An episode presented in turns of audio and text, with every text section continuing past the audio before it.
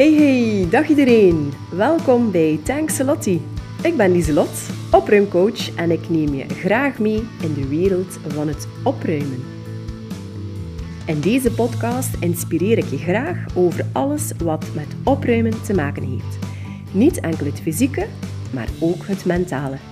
Zet je schrap, want mijn energie is zo aanstekelijk dat de kans groot is dat jij in actie schiet.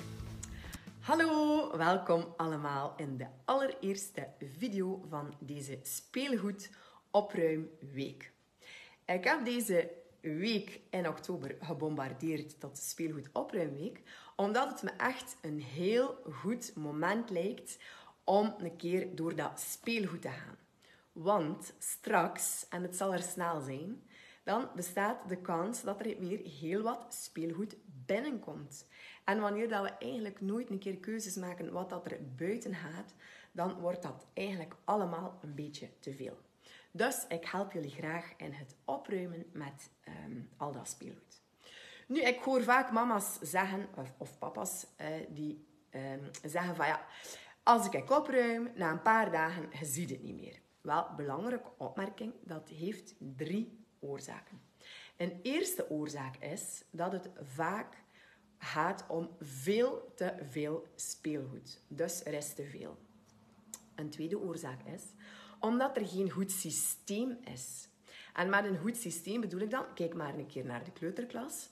Alles is daar verdeeld in hoeken en categorieën. Uh, het wijst zichzelf eigenlijk uit. En een derde is dan eigenlijk wanneer dat er veel te weinig opgeruimd wordt. Opgeruimd of ontspuld wordt. Want als er altijd maar bij komt, maar we gaan er nooit een keer door, ja, dan is het logisch dat we eigenlijk door het bos de bomen niet meer zien op den duur.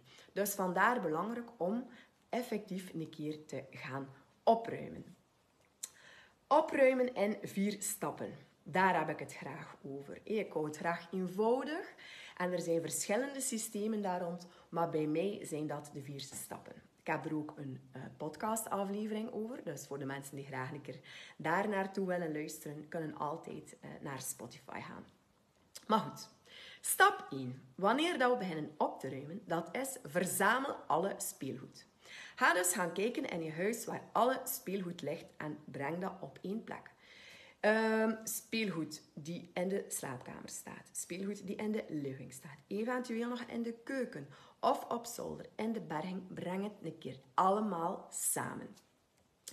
Wanneer je dat dan gedaan hebt, ga je over naar stap 2.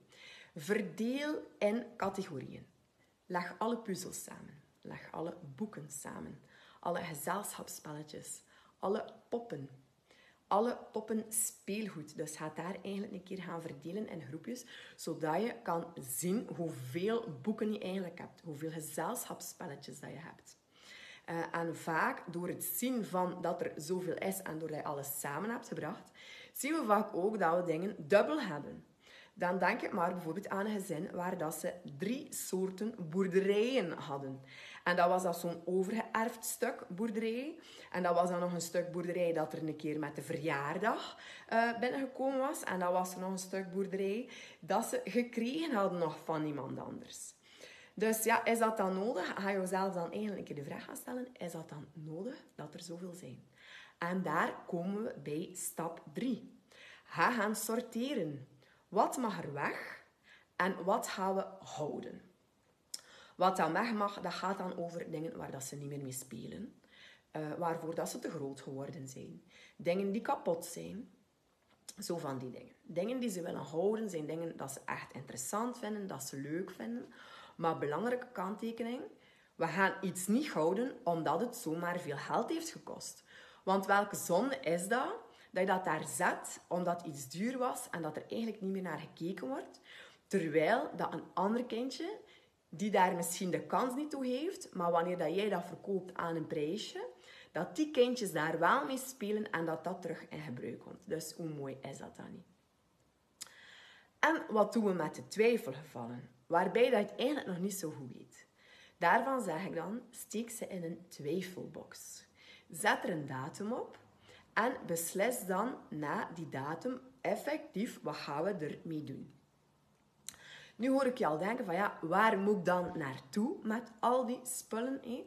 Uh, waar kan ik, wat, wat kan ik daar dan mee doen? Wel, dat vertel ik jullie graag morgen in een volgende video. Dus we hebben al drie stappen gehad. We hebben alles verzameld. Dan hebben we verdeeld in groepjes. Dan hebben we gekeken wat mag weg en wat mag niet weg en wat doen we met twijfelgevallen. En dan hebben we nog de allerlaatste stap en dat is het organiseren.